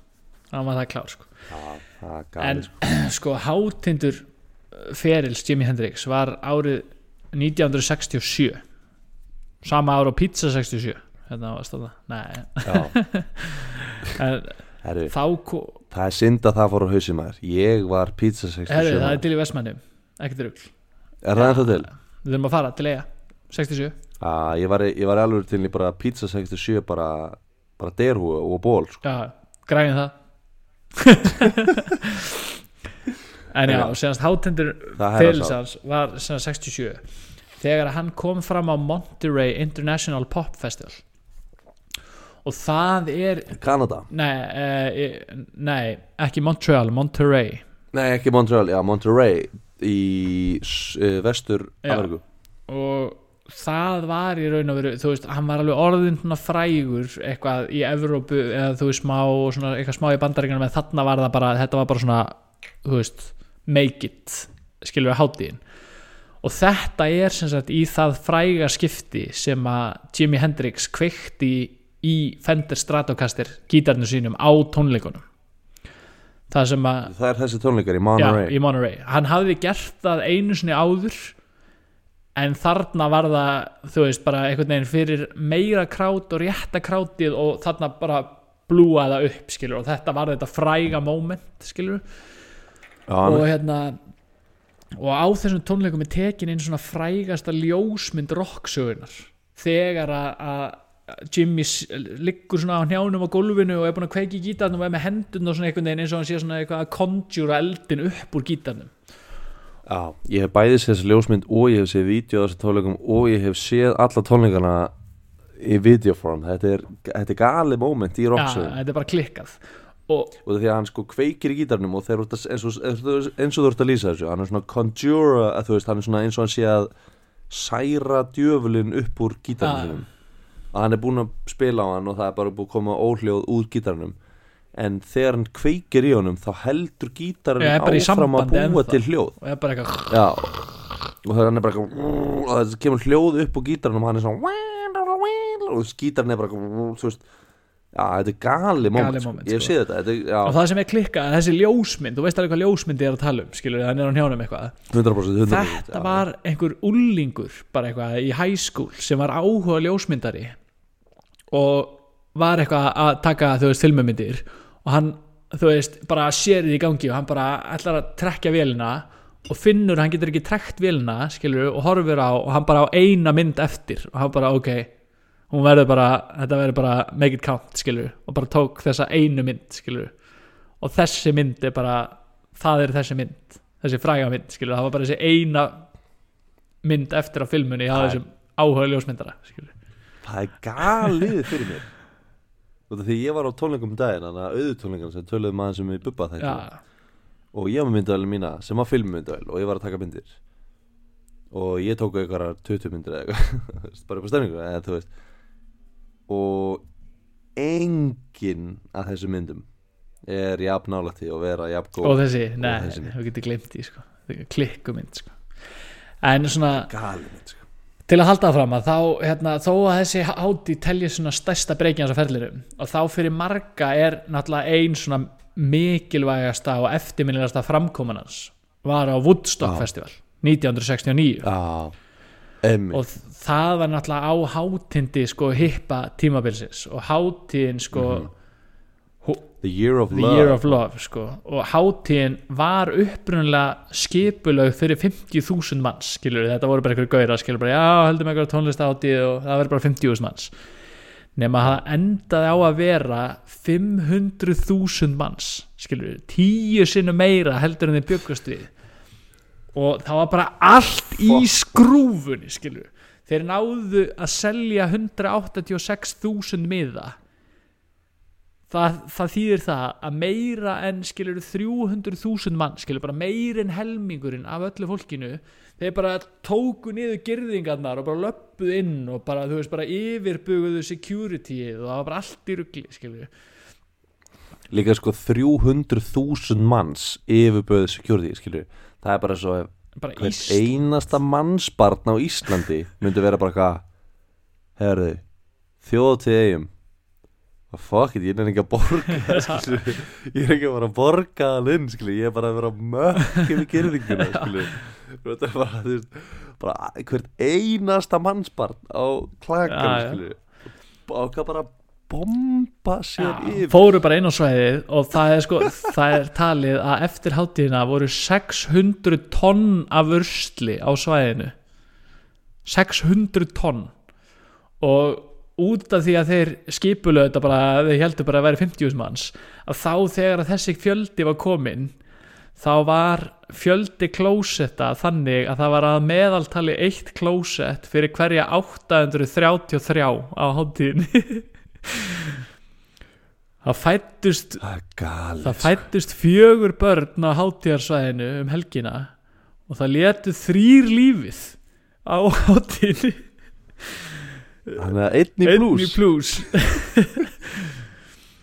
og hérna Hversu geðbiluð, sorry. Já, ég, sko, þeir sem dóu, þeir dóu bara já, þeir dóu það, Við veit ekki það dóu það er bara áskamtur já, eða, dó, að dóu eða- tveir vegna ofskamt og svo var eitt sem var sofandi í svepppoka og það var einhver rusla trukkur eða eitthvað svona traktor að keira eitthvað svona ruslagám og keiriði yfir gæja í svepppoka Ok, högg, seinast í gæðin Ofskamtur, þú veist, það er bara ofpep skilur, ég, þú veist, ég er ekkert að dæma það Woodstock 1969 Gæðin í sveppokanum það er fokkin klika svo ekki. Það var bara, það var bara, heyrðu strákar ég er bara, ég er bara að vera bara rólegur í kvöld. Ég er bara, ég er bara, að negla svona í hátinn og rústast, en ok, það er fekka mjög sveikindi, en, en það er bara svona en, en þessar þessar fjórar gellur sem ákveða að mæta á Woodstock bara 1969 á nýjunda mánuðin sínum bara kas motherfucking óléttar. Og og eiga bara á fuck svæðin it. Og eiga á svæðinu það er galið fyrir mér. Það er gjössalega galið fyrir mér. Þegar þú ert það ólétt að þú ert bara svona komin í ramman það þú ert að fara fucking eiga svona, já bara ok. bomba þér á tónleika hérna, pappi, hvar fættist hann? Fættist hann í kópóinum? Nei, hann hérna hann fættist að Woodstock. Já, já, þú veist. Ákvaða spítala fættist pappiðin uh, Woodstock 1969 Þú veist en sko, nú Shit. þurfum við að snúa okkur aðalmálinu sem er okkar Já, maður, sorry, sorry. Jimi Hendrix Ég er bara Ég er bara sjaldan afvega leiks uh, Þú veist, ég er bara ald, Ég var að, ég sjaldan sætrakkaði jafn mikið og eftir þess að sögu, sko Þetta var svakalegt sko, Jimi Hendrix hann átti sko að loka hann átti að headlæna sunnudagskvöldi á Woodstock. Hann átti að loka, vera síðasti maðurinn til að spila á hóttíðinni sem headlæna ekt, skilju og hann var hann að þetta var bara Já, þegar já. hann var sem frægustur sko. Headline eins og as in aðal aðal númerið bara bara, síðastir til að spila Já. á sundarskvöldinu en hins vegar gerði bara klikkaða rigningu, bara brjálu rigning og eitthvað slæmt veður sem var til þess að það urðu bara þvílíkar senkanir og eitthvað bilanir á búnaði og allir fór eitthvað setna svið sem að endaði með því að Jimi Hendrix hann steig á svið klukka nýju á mánudags morgun og þá voru aðeins 40.000 gestir eftir af 500.000 skilur allir bara farnir í háttinn og bara dauðir áfengastöða eitthvað. Hann er bara allir sem voru mætti til að sjá Jimi Hendrix og bara allir farnir að sofa nema bara 10% skilur af þeim sem mættu. Og á þessum tónleikum er svona eitt klikkasta moment rocksögunar þegar hann spilaði sagt distorted rock útgáfa af þjóðsöki bandaringana með einhvernum svona brjálegum gítasólugum og eitthvað hann Star Spangled Banner. Já, Star Spangled Banner. Þetta vídeo hefur Já. séð. Það sem er galið við vídeo sem er tekið upp á uh, sagt, filmu 1970 er að hérna þess að bara svona til þess að vekja innræða kvikmynda nördan í mér sem hérna móti ég var í kundum bransanum. Þess að uh, filma frá 1970 tekið upp á filmu mig þannig að það er bara filma sem er til. Og ef þú horfir á vídeo sem eru tekið upp 1990 það er tekið upp á segulband. Þannig að þú munt finna tónleika 1970 og upp til 1980 í betri gæðum en tónleikar og allt rastlið sem er tekið upp 1990 og upp til 2005 Ah, og það er segulband og segulband veist, af já, af, þú veist, seglast eða hvað maður myndi kalla Ah. það, þannig að þú veist, ég hef séð þessa tónleika bara í 4K eða eitthvað, Ah. bara galið, klikum gæðum, en það er bara svona bara nerd fact, en svo sko nú erum við komnir hérna frekar langt í ferðlunum hans sko. September Já, já. 1970 þá, hérna, þá veldi Hendrix fara að koma sér aftur í stúdíu en umbóðsmaðurinn hans, Mhm. Michael Jeffrey hann samfæran um að hann yrði að fara í túrum Evrópu til að sapna peningu fyrir Electric Lady Studios sem að, þeir voru að smíða í New York. Og hann var Já. ekkert eitthvað hann var ekkert spenntið fyrir því en það var ákveðið að hann myndi fara semst, í tónleikaferðalagi gegnum Danmörku, Svíþjóð og, og Þískaland og eitt af giggunum átti að vera í Stokkólmi í einhvern svona skemmtigarði. Og Hendrix mætir á svæði með krúinu og þar er staðarhaldarinn skilur gæinn, managerinn fyrir skemmtigarðin og hann var svona frekar ákveðin og eitthvað alveg staðræðan í því að að græða peningin skilur. Og segir við hann bara, herðu mátt koma að spila, skilur frábært að fá þig. En þú mátt alls ekki spila lengur en í klukkutíma sko. Vegna þess að þetta er um kvöldið og garðurinn er opinn til tíu skilur þannig að fólki verður að eiga tíma til þess að geta eitt peningum í tækin og kantifloss og eitthvað. Jimi Hendrix horfði svona á hann hugsaði með sér glemdi í glámur. Spilaði tvo klukkutíma. átti bara að spila í einn spilaði tvo klukkutíma. Pældi, gæinn hefur verið pyrraður En svo eftir klukkutíma var hann bara Úf, þetta er samt og klikka gott í Það er ekki sens í bili sko. Pældi því að það var greinlega bara, hann mátti ekki segja neitt við hann sem að augra á honum. Þá bara, nei, all in. Glemdi glemdi, Gleymdi glemdi glamur, all in. En hins vegar þá er það þannig að, í þessari tónleikaferð um Evrópu sem hann ætlaði að samna sér peningu fyrir stúdíónu sínu þá spilaði hann sína síðustu tónleika en þeir voru í Þýskalandi hann í byrjun september 1970 á okkur tónleikafestivali. Ég hefði vel að sjá hann í DK bæði við, það verið klikkað. Og hann var þarna bara á toppi fræðarinnar skilur Já, og það Já. var alveg bara búist ég bara, herðu, Jimi Hendrix er að koma til Þýskaland skilur, það er bara, þú veist, allt klárt við erum að fara að kassa inn, skilur það er allir að fara að mæta, fattar nema eins og það, þú veist, var þetta festival ekkert eitthvað frábælega velskipulagt það, þú veist var eiginlega ekkert það mikil öryggiskesla og það var allt og mikið af fólki þannig að það var bara gjörsamlega allt í skrúfunni á þessu tónleikafestivali sko. svo ofan á það, það var sko tjúla veður og sko það tjúlað að hljómsveitir hættu bara við að fara svið að þeir voru bara hrættir með öryggi sitt að þeir voru bara svo sterka vindkvöður að bara hátala bóksin voru bara að fljúa út um allt og þetta var bara allt í ruggleðna skilju nema hvað á endanum að þá kemst Hendrix loksins upp á svið og byrjar að spila skilju og hann er bara eitthvað rugglaði þjóðverja skilju 1970 og hann kemur upp á svið og byrjar að spila og bara fyrsta lægi skilju að bara trompast allt byrja bara að búa bara, bara allir brjála skilju bara búa á Jimi Hendrix já, já. og hann bara þú veist er að spila og svo bara eftir smástund og bara stoppar og segir bara I don't care if you boo as long as you boo in tune skilju bara mér er drullið sama að sé að búa bara svo lengi sem að sé Já, í- já, bara Bú er réttur í tóntegund, sko. Bú, bú, bú. Býta þess Bú Já, ok, ég er með þetta, ég komið.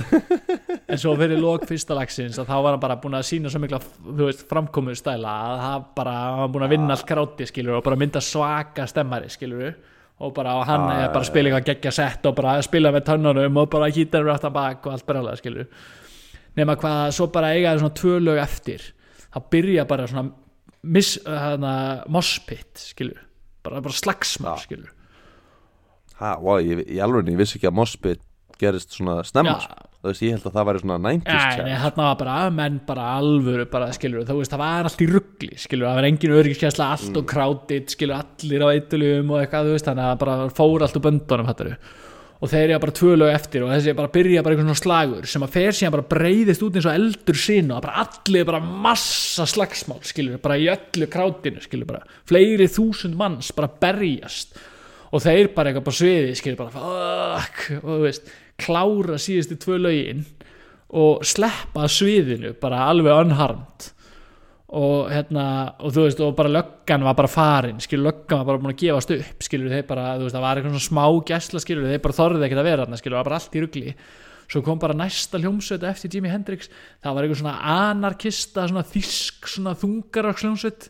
Og þeir byrja bara og þá fór bara allt úr böndunum skilur bara allt bara klikka skilur bara allir rústa. Hells Angels mæta bara svæðið skilur við búin að berja þarna þú veist hundra manns bara um bensínbrúsa og kindil fara bara að hella bensínbrúsa á sviðið og kveika Ha? í sviðinu meðan að hljómsveitin er að spila bara dugu, dugu, dugu. það er bara Hells Angels Ha?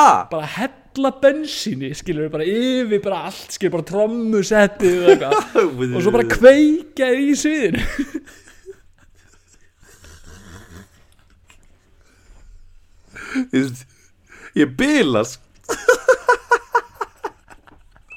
Ég, út því að það fylgir svo enga við sögunni hvað Hells Angels koma þeir eru bara eitthvað bara svona þessu sagan er sög það var bara svo að þeir eru bara eitthvað.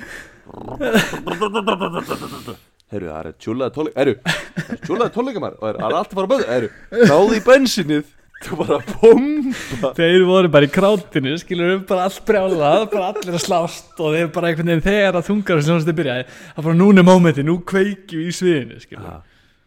Út af því að þú veist Ég hef svo fyndið sambandi þjóðverð Út af því að þú veist Þjóðverðir er alveg crazy Og Þískaland er alveg Já, crazy, shit, Og sko. Berlín sérstaklega er alveg crazy Ef maður hefur komið til Berlín skilur veist, Þjóðverðir eru bara okkur öðru leveli En á sama tíma alltaf þegar ég heiti þjóðverðir eins og bara í útlöndum sem er oftast sem ég heiti þjóðverðir skilur annarkvort hér í Danmörku eða bara hvað þeir eru að ferðast þá eru þeir bara eitthvað Ach ja, Ja. das ist so gut sko. da, da, da, da. Þeir eru bara svo klikka Þeir eru bara alveg og svampur skilur, þeir eru bara klikka liður skilur, þú veist. Þannig að það er bara ógeðslega fjarrri mér að ímyndum með þjóðverði þessum aðstæðum sko. ég bara kem því ekki eins og sko. bara eitthvað þýskir Hells Angels að bomba bensínu upp á sviði sko. kveikja bara í sviðinu og þau bara hljómsveitin ennþá að spila skilur og bara eldur út um allt skilur og allir að berjast í krátinu og þetta bara allt í ruggli sko. en þetta var samt sko þetta var síðasta live framkoma Jimi Hendrix af því að Já, hann lés svo bara tveimur vikum setna sko. Já. Hvernig, hvernig lést hann aftur? Og því að ég kem inn á það sko- eftir sko. þannig að Já, ok, ok, ég, ætla þá, ég ætla þá bara að láta að liggja en sko Jimi Hendrix eins og ég sagði áðan sko, þá hann var sko hann var orðin smá frægur þú veist í Evrópu og, og í bandaríkjunum áður en hann springur upp sko en það er að því að Jimi Hendrix hann ferðaði sem sagt hann kefti sér one way ticket til London að því að þú veist það var allt að gerast í London að þessum tíma þú veist. Það voru hérna Eric Clapton og Beatlarnir og allt þetta var í gangi náttúrulega í, í London á þessum tíma sko. Og, Já, já, ég minna London var bara, mekka tónlistar á þessum tíma skilur við já, já, þú veist, miklu Já, meira þú veist. já.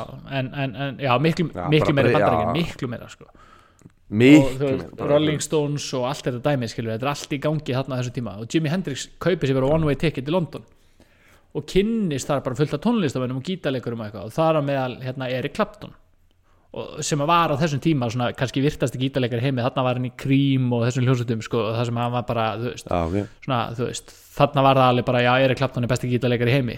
Það var áður en að Jimi Hendrix skilur í raun og veru kemur og sannar sig skilur.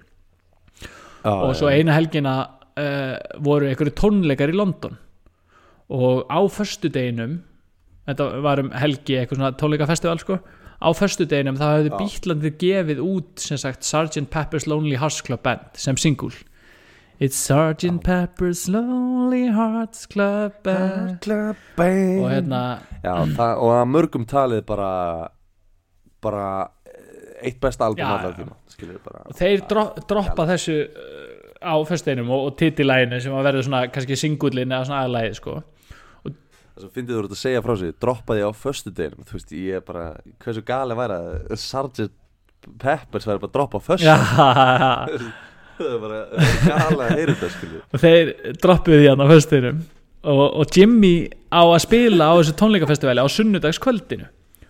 Og hann bara stígur á svið á sunnudagskvöldinu og þú veist, í krátinu fullt af tónlistamönnum hann á þessum tíma, skilur bara Rolling Stones og Beatlarnir og eitthvað bara fullt af liði hann í ykkur kráti, skilur þú veist að þetta var svona, eitthvað svona tónleikafestival og voru náttúrulega allir artistarnir voru hann á sama tíma þú veist, þú getur ímyndar þetta er kannski svona eins og Airwaves eða eitthvað, skilur er í dag en bara þetta er í, í þannig samingi að við horfum á þetta, hann voru bara allir bestu nei, nei, nei, en bara sjáta þetta Airwaves fucking geggja Já. hátíð, sko.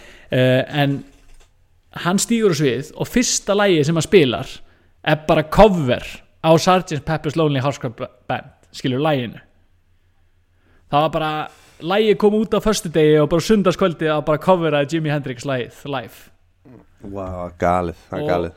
Paul McCartney var í krátinu og Beatlandir skilur og bara Paul Já. McCartney bara í fokkin sjokki skilur fannst það bara klikkaður heiður vegna þess að hann hafði hitt Jimi Hendrix og fannst hann geggja gítarleikari og hann fannst það svo magna að hann skildi hafa bara coverað þetta lag bara tveimur dögum eftir að það var bara erað skilur, bara koma út. Ah, með þeim. en hins vegar var það líkt Jimi Hendrix að gera náttúrulega eitthvað brjálu solo og eitthvað og nota mjög mikið hérna stöngina, vibrato stöngina á gítarnum skilur Ah, en þú veist og hann var að gera eitthvað og var bara eitthvað að rústa gítarnum. Og þú veist, og þeir náttúrulega vita það allir tónlistamennin að vissu það bara ef þú ert að rústa gítarnum svo mikið með, í pratastönginni þá afstilli skítarinn, skilur að því að þú ert eitthvað að fokka í strengjónu svo mikið, Já, skilur já, og það er alltaf bara Þú ert í raun að tegja meira og minna á þannig að þú ert að rústa með tjúnin því að ruggla í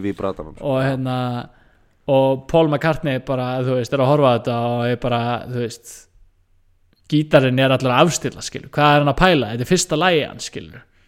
Veist, hvað ætla hann að gera? Svo bara klára Jimmy lægið, skilur. Stoppar svona. Svo bara svona horfir hann að kráti, skilur krát og segir í mikrofónin bara hérna er Erik Clapton í húsinu?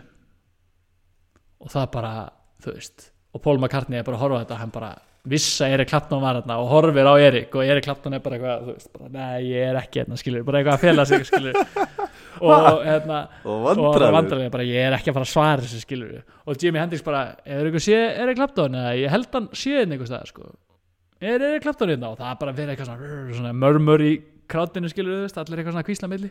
Svo loksin sér Jimi Hendrix Erik hann bara hei Erik. Mennur nokkuð að stilla gítari minn og Erik kallaði og Erik kallaði tilbaka bara no way. Do it yourself. Kallaði bara kallaði bara í kráti bara. Er, er í klaptur þetta? Og svo sá hann hann og sagði heyrðu neina að stilla gítarinn það er bara, það er bara galið þú veist. Ég er bara sjokk þú veist, ha? Var hann að æsa e- eða var hann bara eitthvað svona actually liðlegur að stilla gítarinn? Og var Erik Clapton leðsitið eða var hann að æsa? Að, já veist, er ég veit það ekki skilur ég veit ekki. Ég er bara því að ég hef nefnilega ég hef nefnilega heyrt sko sögu af Clapton og, og Jimmy sem ég var svona semi að búast Já. sko. Og, og ég ætla ekki að skjóta inn í of lengi en ég ætla að halda þessu sögu bara stutta en bara svona basically þá bara Clapton eh, hérna átt að halda tónleika og Clapton miklu frægar en Jimmy skilur og Jimmy að hita upp fyrir Clapton í London og Clapton var hálgerður rasist á þessum tíma Mm. sem hann svo setna sá mjög mikið eftir eða eitthvað, en whatever. Og hann er bara eitthvað að spila á gítarinn Jimi Hendrix bara og bara og hann spilaði svo vel á gítarinn að Clapton neita að fara upp á svið. Já já. Og það hún fannst bara Jimmy vera svo góð já. skilur. hann bara, hvað voru það að fokkin pæla að setja hann gæða undan já, já, er þið eitthvað veikir í haustum það er einhver saga sem ég veist en ég selði ekki dýrin að Já, kipta sko. en þú veist, það er voru eitthvað svona Þannig þú líka eitthvað saga sko að hann gætt en það gerir þessa sögu eða betra fyrir mig, skilur út af því að það þýðir að, að þú veist Clapton og Jimmy þeir þekkt þeir þekktust, já, það voru félagar sko. Já, og síðan kemur þetta Já, skilur þetta er svona þetta, er svona, þetta adds another layer on top Já, fyrir mér. það er geðvegt sko og því að þú vissarlega labbað inn í þetta ég er semi Jimmy já, nerd, já, skilur 100% en þú ert að koma mér svo verulega óvart eins og þetta sko, ég er að rústast en nú þurfum við að tala aðeins meir um eitthulegin sko. Já, já, eins og ég sagði á hann sko, Jimmy var náttúrulega þekktu fyrir að vera gjössanlega röglega sko. og það var svona, það var svona urban myth sko. Hann var alltaf með svona headband skilur, svona hippar svona höfuð svona band skilur og það var myth að hann já, já. hefði sko þú veist, leira það eða bleitt því eða eitthvað í LSD áður en hann fór svið Mm. og svo var hann búin að skera sár í enni á sér og setti ennisbandi á hann að vera að sípa skiluru LSD inn í blóður á sinna skiluru ég bara beint inn í blóður bara beint við heilan heilan það var bara gali, það var gali, gali, gali, gali, gali, gali. þetta er svona urban myth hann hafi verið svona rögg en sko 68 það var hann árið eftir hann Monterey Pop Festival. Þá er hann Já. eitthvað skilur, að fara yfir eitthvað svona fanmail. Og það er búin að fá eitthvað alls konar eitthvað, einhverja kettlingar að senda. Og við erum að tala um fokkin gamla, gamla góða fæmi bara, við erum að bara tala um postin, postin skilur bara frímerki og ekkert kjafta ekkert e-mail shit hérna bara tækt þetta e-mail og trotti sko. Við erum bara að fá alvöru bara frímerki og drasl skilur og hérna þá var hann að fara yfir eitthvað fanmail og færi eitthvað Já. bregð með eitthvað mynd af eitthvað skvísu í Mexico City sem segist til að bjóða hann á stefnum og Hendrik sann bara eitthvað alveg hellaður skilur bara á eitthvað síru eða eitthvað skilur segja bara managerinu sinn bara Já. bóka hluti í Mexico City bara núna skilur bara fara núna til Mexico Já, City þetta er geggju þetta ekki alveg að verðum bara að fara núna. Og umbúsmaður bara, já, ekkert mál, skilur bara fara upp á flugvöll fa- fljúga til Mexico City með umbúsmannum bara græja bíl og fer heim til gælunast skilur hún að eitthvað skrifaði eitthvað þú veist hvað er hann þetta heima í brefið og þetta var eitthvað svona, þú veist, og sendi eitthvað myndir að sér eitthvað.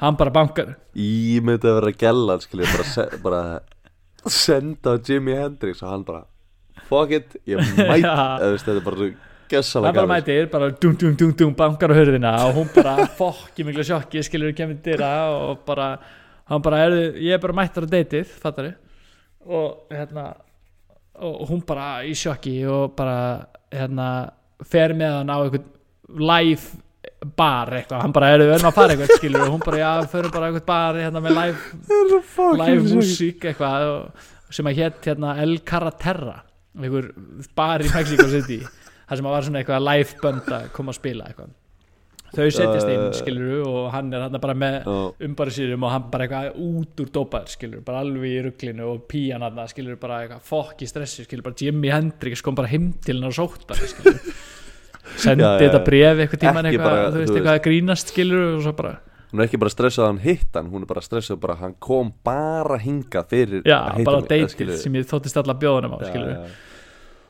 Og þau eru hann inni og það er einhver hljóka hljómsveit sem er upp á sviði og byrjar að spila Wild Thing sem að er náttúrulega cover sem að Jimi Hendrix gerði mjög frægt cover af sjálfur sko. Var, einmitt, einmitt, að það var, var svona já, Marazzi já, cover. já, þetta var bara eitthvað cover skilur, þetta var í var í Mexiko og við vorum allir með hattana og meskal og nema hvað, Jimmy spennist Já. allir upp stekkur upp á sviði og se, bara segir gítarleikana bara, má ég spila má ég spila þetta lag? Eða eitthvað, já, og allur staðurinn, skilur, þannig er Jimi Hendrix náttúrulega bara orðin heimsfrægur, sko. Og allur staðurinn fatta bara, heyrðu, þetta er Jimi Hendrix skilur, á einhverju bara svona shithole live music club í Mexico City. Og það bara bilast allt og Jimmy tekur bara gítar og þú veist, gerir bara sitt thing, skilur og, og gítarleikarinn ekki nei, nei, hann bara peppaði sko og hann tók lægið og endaði á því að taka sjö mínútna gítarsólu. Þú veist og hljómsveitir er alltaf bara þetta er bara svo Long Dong Silver myndi að taka smokkin að manni og bara bomba sko. og hérna svo eftir lægið þá bara segja hann um mann sem bara hann bara orðinn þreyttur og vil bara koma sér heim eitthvað og hann bara, þú veist eitthvað, ringir í flugvilna og voru með eitthvað enga þóttu eða þú veist svona enga rellu sko og bara, já þeir eru að refjúla við getum ekki farið fyrir eftir eitthvað fjóra klukkutíma eða eitthvað. Og hann bara, ekkert mál, fóru bara á klikka fyllir í bara í Mexico City, bara með píunni og eitthvað og svo bara beintum á flugvill og fljúa heim til New York. Og þú veist náttúrulega bara á vökunni skilur búin að vera okkur um klikku, síru og eitulugum og eitthvað. Komið tilbaka og Jimi Hendrix sefur í heilan sólaring eftir að koma heim. Og Shit. manir sér hans bara fokkin stressað skilur bara hvort það sé bara í kóma eitthvað. Svo bara loksir vaknar Jimi Hendrix bara man ekki eftir neinu. Myndi bara ekki sjensættir að fara til Mexiko og hitt gæluna eða neitt. Og managerinn bara þú veist, bara ruggla gali hann held sko að managerinn var að gali. sér skilur og hann var bara, bara nei skilur bara heimsóttu gæluna og bara mannst ekki eftir neina bara nei, þú veist bara rugglaður skilur. Wow að þú veist Vá maður, ég, þetta er bara svona, ég veit ekki út af því að það er svo langt síðan við heldum nei ha þátt eða eitthvað en ég er bara búið að vera svo, ég er bara svo invested í hverju einustu sög þú veist, ég er bara, ég er bara at the edge of my seat hérna, sko. Ég er bara, vá, þú veist fuck, þetta er tjúla já, þetta er hella sko. Það voru líka marga sögur sko. en, já, en það er eitt hérna eh, sko, varðandi dauða Jimi Hendrix. Já, við erum að fara að fara, okkur þangað. Sko, það fer eiginlega tvennum sögum um það hvað gerðist í raun og veru sko. og það er ekki enn alveg vitað nákvæmlega hvernig og af hverju hann deyr. Hann er sem sagt 27 ára gamall þegar hann deyr. 27 Club, tveimur vikum eftir hann að 27 Club klikku þýskalastónlingana þegar að Hells Angels kveikti í sviðinu. Já, já, og hann deyr sem sagt í Þýskalandi. Og þáverandi kærasta hann sem hann gæsalappa Monika Dannemann sem var eitthvað svona skaut, list skautakona eitthvað þýsk list skautakona eitthvað gæla ábyggla bara sem var búin að vera að hitta í tvær vikur eða eina viku eða eitthvað skilur ah, en hún var fokki góð skautum. Hvað séru? Já, hún var bara góð skautum skilur Fucking góð sko. Og hún, hún vaknar við hliðina á hann látnum hins vegar þá hérna, og það var hérna 1970 sko hins vegar þá hérna Hann 1970 1970 já. Þannig bara 69, búm, Já. 70 Jimmy döður 18. september 1970 wow. Meira að segja Jimmy nördin maður, vissi þetta ekki og hérna hún sem sagt hún deyr 96 af völdum sjálfsvíks Já. 96, ok, tölur Já, setna fremur sjálfsvík sko. En hún sagði sem sagt á æfisinni að frá 70 til 96 þá sagði hún margar mismunandi útgáfur af því sem átti að hafa gerst. Okay, okay, formlega sagan er svo að hann hafi tekið of margar sterkar svona sveppillur eða svona deyfandi lif sem að hún átti Mm. Ásamt því að Já. drekka klika mikið áfengi og á að hafa kapnað á eigin ælu í svefni. Okay, okay. Þannig að hún var mikið fyrir að skauta og negli sér Já, svefni einhver svona sterkur og hún var náttúrulega bara einhver jammari líka skilur en Já, þegar að hún vaknaði á að vakna og fundi hann dáinn að þá hefði hún panikað og ringt í vinsinn sem var sko söngvarinn í The Animals sem eiga House of the Rising Sun.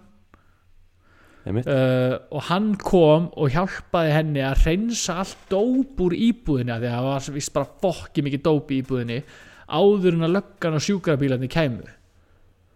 Og svo sagði Já. hún sagði bara að hún hafi gert þetta og svo hafi hún bara eitthvað beðið og haldi hendina á honum og farið með henni í sjúkrabíl og upp á eitthvað og haldi hendina á honum allan tíman en sjúkraflutningamennir segja að þeir hafi bara komið í íbúðina að það hefði verið tilkynnt að hann hafi, þú veist fundist látin. En þegar þeir koma í íbúðina þá var ekkit inni og engin nema bara Jimi Hendrix dáin upp í rúmi skilur og æl út um allt, Það var enginn það var engin þar? nei, sagði sjúkraflutningamennir einmitt, einmitt.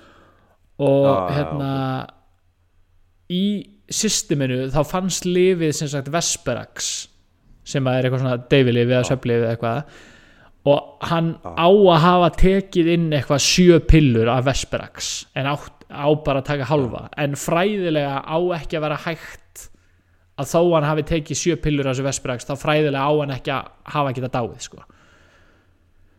Uh, hins vegar eru ákveðnar samsæriskenningar á lofti með það að FBI hafi drepið Jimi Hendrix vegna þess að hann var bara- orðin bendlaður við Black Panther reyfingana og hafði í einhverjum svona, þú veist, einhverjum tónleikum með einhverjum svona kvart Black Panther reyfinguna til þess að hefja skotarós í Washington DC Já, bara ógóður og gítar.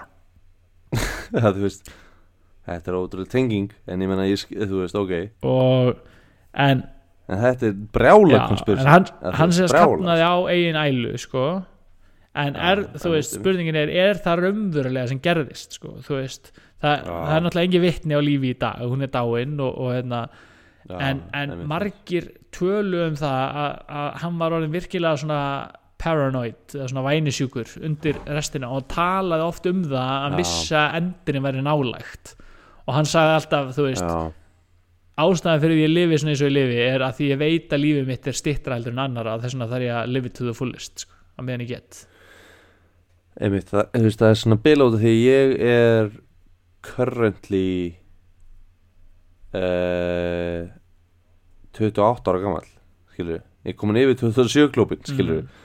þannig að mér finnst 27 orðið svo ungt Já. skilur þannig að það er bara bila fyrir mér að Jimi Hendrix hafa dáið 27 ára gammal út af því að þegar ég var tvítur og það er örgulega svona um það leiti sem ég var mest á kafi í Jimmy sko þá fannst mér 27 svo fjara mér en nú er ég 28 og ég er bara svona god damn skilur hann dó alveg Ah. skilur út af því að ég er alveg nú Já. eftir sko þannig að þetta er bara svona en, en veist, já, þetta er bara ég meina, ég ætla nú ekki að fara eitthvað að blása byr í eitthvað FBI conspiracy því að mér finnst svona það kemur ekkert eitthvað brila óvart þannig að þetta ekki eitthulif og ælt upp Nei, það er ekkert eitthvað ólíklegast að sagði hann, sko. Fattar mig Nei, en, en, en samt, þú veist það samt skemmtilega, þú veist hann var líka bara svo larger than life, skilja hann að auðvitað er hans dauði að fara að vera larger than Live, já, skilur. nákvæmlega. En þetta Arnar þetta voru alla sögurnar af Jimi Hendrix. Já, já, þetta er bara hans oh! þurfum við ekki að taka ok, quick recap eða? Það er ekkert minigame, ekkert rugl það er bara sögurnar. Nei, nei, eða, þú veist þetta uh, sko ég óvart drakk uh, heila vimflöð sko undur þess að þetta, ég er bara það entertained skilur, en ég er bara svona ég, það sem ég ætla að hrósa fyrir er að þú, það er náttúrulega það er legasaga Já, hann einhvers staðar en hún fittaði þemaðinu vel, fattur mig, út af því að þú veist Jimi Hendrix þáttur fyrir mér er með svona ákveðu væp í, í hvað, þú veist, hvað, hvernig svona sögunar fara, skilur og og ég ætla bara að segja það immediately að ég er ekki með söguna sem þú lögst bara, ég er ekki með hana alveg bara nailed in, sko, þannig að þér hefur tekist að ljúga einhverju sem svona fittar vel inn í þetta period. Þannig ég er spenntur að heyra recapið út ég verði eiginlega bara ákvæða það sko. ok, good shit. Þá vindu okkur í þetta sko. Já, Fyrsta sagan var svona uh, svolítið um baksöguna, það var hérna foreldrarnir hans, You Can Call Me Al og Lucille Jeter, kynntist að dansleik Já, giftu sig Já, já. ári síðar og þremundum eftir Mm. brúkupi var Al sendur í herbúðir og þegar að hann ætlaði að fá að vitja hérna, kona sinna sem var alveg að fara að fæða batna þá sögðu þeir bara við hann bara glimtu því og sett hann í búr í tvo mánuði þannig að hann myndi ekki stilast til þess að fara svo losnar hann úr stríðinu 1. september 1945 ha, ekki hafandi séð fjölskylduna sína þrjú ár og fór heim og leitaði þeim í tvo mánuð og fann þau loksins hjá fjölskylduvinn og það var í fyrsta skipti sem hann sá svon sinn Jimi Hendrix. Já, klikka, gali, gjör svona gali svo var það þegar að Jimmy var 12 ára þá var hann í sem sagt, grunnskóla í Seattle þegar að félagsárgjafi í skólan sá hann ganga um með kúst í heilt ár sem hann let sem væri gítar. Hún skrifaði til skólans uh, til sjóðu skólans að fá kaupandur um gítar sem hann neitaði og pappans líka en svo var það ekki fyrir tveimur árum setna þegar að, Jimmy er að tæma geimslu með pappa sinu í okkar gamalli konu og finnur ukulele með einum streng og lærir þar að spila á ukulele með einum streng uh, með lögum í útvarpinu. Og fyrsta lægi sem hann lærði var Hound Dog eftir Elvis. Já. Það er bara Þetta, á ukulele með einum streng. Ukulele með einum streng, sko Þú veist, ég er svona Mér finnst skrýta, ég myndi hafa ekki að heyrt þetta aður En já, halda fram Halda sko, fram með ríkafið Jimmy elskaði dópið sko. Og einhvern tíman hérna, á late 60s þá var hann að rölda í skúmóskotum nýri bæ þegar hann hittir hópa strákum og spyr hvort þeir eigi gott dóp handa sér. Og þeir halda hann á það, bjóða hann um hindi sín. Segja hann um að fara inn í herbergi og, og gefa sér númeri á, á managerna sínum.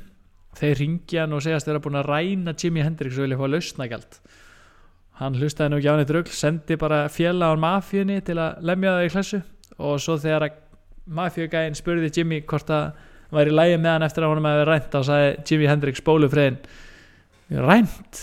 hvernig var mér rænt? það er ekki hugmynduð að honum hefði rænt sko.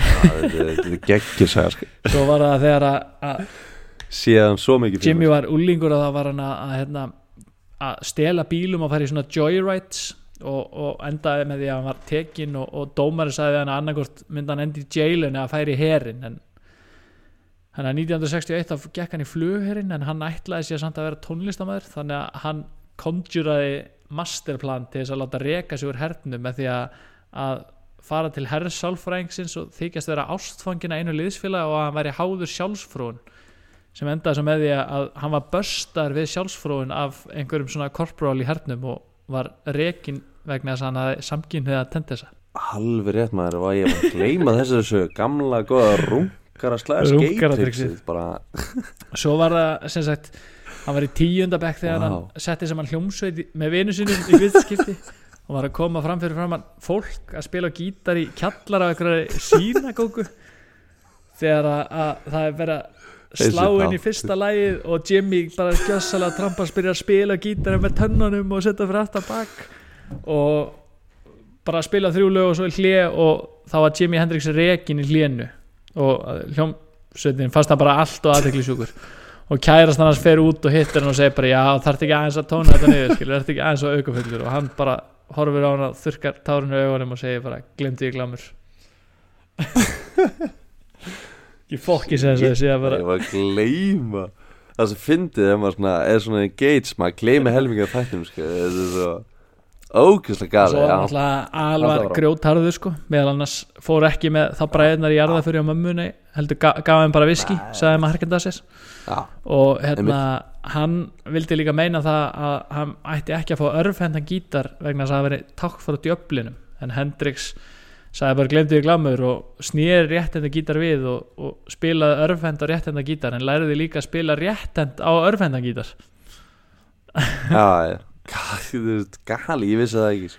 Svo var það hérna 1967 þegar að, Jimmy kom fram á, á Monterey Pop Festival þegar að, hann kveikti í Já. Fender Stratocasterunum og á ykkur úlingu sem Já. var áhuga ljósmyndari sem að tók þá mynd á síðustu myndin á filmunni Já, og þetta var svona stóra breyki hans en, en það sem er kannski svona þekktasta framkoman hans er á Woodstock Festival 69 það sem að 500.000 manns örguð inn að háttíðina og, og hérna, dóu þrýr og fættus fjögur börn og, og Jimi Hendrix átt að loka að vera síðasta atrið á sunnudagskvöldinu en vegna slæms veðurs þá senkaði atriðina svo mikið að hann stegi á svið klukkan nýju á mánudagsmorninum fyrir aðeins 10% gesta háttíðarinnar 40.000 og þar spilaði meðal annars uh, þjóðsöng bandaringana með löngum gítasólum í fjóra mínútur.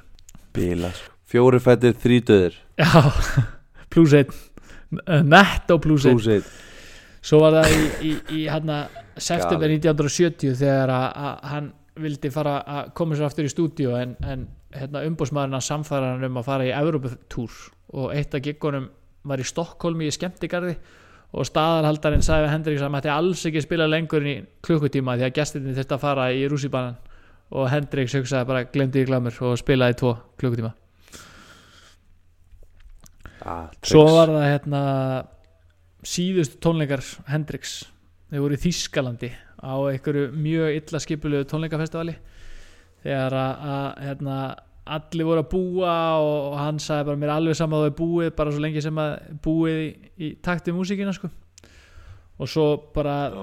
þegar það eru svona tvö lög eftir að settinu þá var hann alveg búin að vinna við kráti en þá breyðast út hópslagsmál sem að fara bara alveg úr böndunum og, og þeir klára setti og fara á sviðinu og kemur einhver þungar hljómsveit og það var bara allt í svo miklu ruggli og allir að slásta bara Hells Angels voru bara mættir og enduðu bara því að kveikja í sviðinu með kindli og bensínbrúsa meðan að, þungar hljómsveitin var að spila.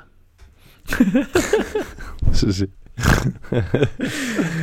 Þetta er svo gali en svo sagði ég frá því að Jimi Hendrix kefti sér one way ticket í London og var að spila á einhverjum tónleikum í London og, og coveraði sem sagt nýútgefi bítlalag Sgt. Pepper's Lonely Hearts Club Band. Og eftir að hafa spilað lægi með því að að nota mikið svona vibrato og afstilla gítar en þá kallaði hann í mækin og spurði hvort að Eric Clapton væri í húsinu og svo þegar hann sá Eric Clapton í salnum að baðan Eric um að koma á svið að stilla gítarinn fyrir sig. Og Eric Clapton kallaði bara ekki sem skerða sjálfur. Já, svo sagði Þeirra saga er eitthvað sem væri til að vita meirum sko, Svona í framtíðin sko. svo var það hérna á, var ég að tala um hérna þegar Jimmy var rugglaður á sírunni og var að lesa fanmail og fekk bref frá einhverja sætir stelpu í Mexico City og sagði umbanu sínum að leia rellu og fljúa til Mexico City. Og þeir fara og sækja gæluna og fara á einhvern bar og þar er hljómsveit að cover á Wild Thing og Jimmy stekkur upp á svið og spyr gítarleikarinn hvort hann meði taka við og það tjúlast allt og hann spila lagið og djammar allar nóttina og flýgur svo heim daginn eftir og vaknar sólarring setna og mann ekkert eftir að hann farið til Mexico City. Og svo dopaður. Galins og svo endur við á að, rekja svona sögursagnir um dauða Jimi Hendrix en, en Já. þar voru Einmitt. svona samsæriskenningar meðal annars að FBI hafi ráðið hann að dögum af því að hann hafi verið bendlað við Black Panther hefingunni í bandreikan Það er bara svo galið fyrir mér sko að mögulega segjum bara svona sem svo að FBI hafi ákveða að myrða Jimi Hendrix út af Black Panther á sama tíma þá ákveður að spjalla við mömmu Samuel L. Jackson að að skilur samfara FBI voru bara svona Já, all over the place voru skilju. fokkin stressaði við Black Panther sko. þeir bara við verðum að gera eitthvað í þessu sko. þú talaði með manns Já, og við förum að drepa þennan gæði í Þískalandi Já, já Ég var bara kaffi í morgun bara herri, Þú ætlar að tala við hérna, mömmu Samuel L ég, Við ætlum að fara að láta Jimi Hendrix guppa í hálsnarsur Já, þetta er gana maður Vá, þetta var í alvegni Ég veit ekki hvort það er út af því að það er svo langt sen ég hef fengið neha beint í æð eða bara hvort að ég er svo mikið Jimi Hendrix fan en ég var bara klikka engaged Já. allan tíma það er gaman sko. ég var bara ég, ég vona að mitt commentary eh, því að það er beauty við neha er að einn er með þáttinn og hinn er að reakta. Ég vona að mitt commentary hafi verið í lagi út af því að ég var ég var alveg orðlaus yfir hvað ég í raun vissi lítið um einna mínum uppáhaldsartistum fattar það mig en ég er samt með tvær. Tvær, já, Ég er með tvær eftir ríkapið um, Ég ætla að bendla þessar tvær á Mafíu Gaurani ræna Jimi Hendrix inn í eitthvað bæli í New York Já. sagan og Mexico fanmail gælan. sagan. Já, Já, gæla Það er það er það er þau það er það er tvær úp, það er þessar tvær sögur sem ég er með. Ah, ég er þungur sko. Shit maður. Það kemur óvart hvað uh, það hefur lítið áhrif á okkur að vera í fjarkasti ég vona að ég ná að klippa hans þátt saman en, en váka ég var. Shit já, já gæðvegt sko. gaman sko. hvað segir annar? Já, þetta er þungt sko. Þetta er þungt. Ég ætla að fara Ég ætla að fara niður til land sem ég hefur alltaf langað að heimsækja. Og ég hefur aldrei svona almennilega gert það. Ég ætla að fara til Mexíkó. Mexico þú ætlar að skjóta á Mexiko söguna. Ég ætla að segja að Mexico sé keft þú segja hún sé kæft aðeim Já, ég ætla að segja þessi keft En, en vá hvað ég er þú giskar að tvær sögur. Og ég er að segja, er, þetta er svona pínu shotnum dark út af því að ég er bara svona þungur sko. Sko, hinn sagan sem þú giskar á var þegar að Jimi Hendrix var að rölda í einhvern skúmaskotum í New York að leita að dópinu hitti það einhvern Já, hópa einhverjum pegjum og spyr hvort Já. reyði dóp og þeir segja jú þú ætti að koma heim til mín. Og setja hann inn í herbergi Já. og læsa hann inn í herbergi og ringi managerinn hans og byrja hann lausnagjald og hann sendir mafíugur Hann er bara svo Joe Pesci í Goodfellas bara ring já. Sendir bara, bara mafíugæjan og hann lemur gæjana og spyr svo Jimi Hendrix hvort það sé í lagi með hann eftir að hafa verið rænt og hann bara, ha, var mér rænt, hvenær? Súsaga Arnar hún er 100% sannleikur.